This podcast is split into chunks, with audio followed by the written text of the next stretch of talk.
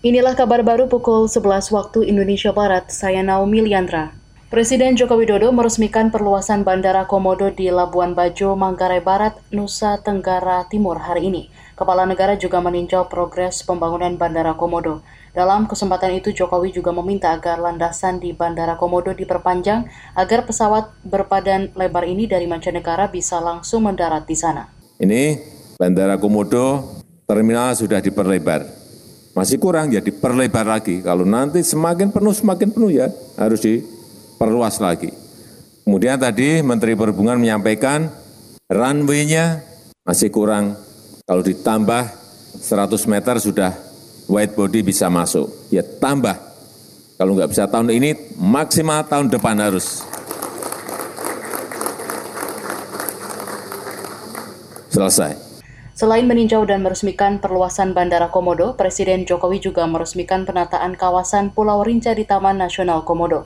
Jokowi juga dijadwalkan meresmikan penataan kawasan Marina Labuan Bajo dan sistem pengelolaan sampah Waroka di kawasan strategis pariwisata nasional KSPN Marina Labuan Bajo. Ekspor produk perikanan Indonesia di semester 1 tahun ini menurun dibandingkan periode yang sama tahun lalu.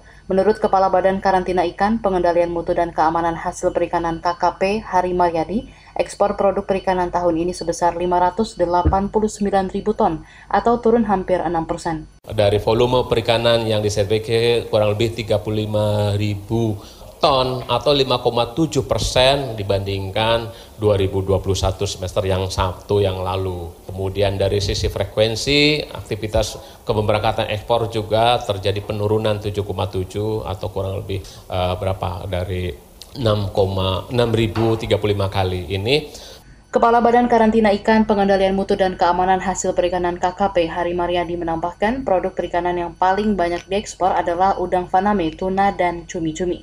Selain ekspor, kata dia, impor produk perikanan Indonesia juga menurun dari 342 ribu ton menjadi 150 ribu ton di semester 1 tahun ini. Impor produk perikanan Indonesia paling banyak ada di komoditi dan bahan baku pakan ikan serta ikan makarel. Malaysia mulai memperlakukan penyuntikan vaksinasi COVID-19 dosis booster kedua. Menteri Kesehatan Malaysia Hairi Menteri Kesehatan Malaysia Hairi Jamaluddin lewat akun Twitternya menyatakan warga berusia 50 tahun ke atas dan tidak memiliki penyakit penyerta atau komorbid dapat menerima vaksin booster dosis kedua.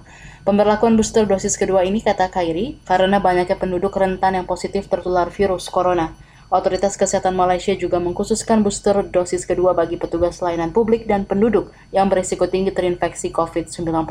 Awal pekan kemarin kasus keharian COVID-19 di Malaysia mencapai 3.800-an kasus dengan 9 kematian. Demikian kabar baru KBR, saya Naomi Liandra.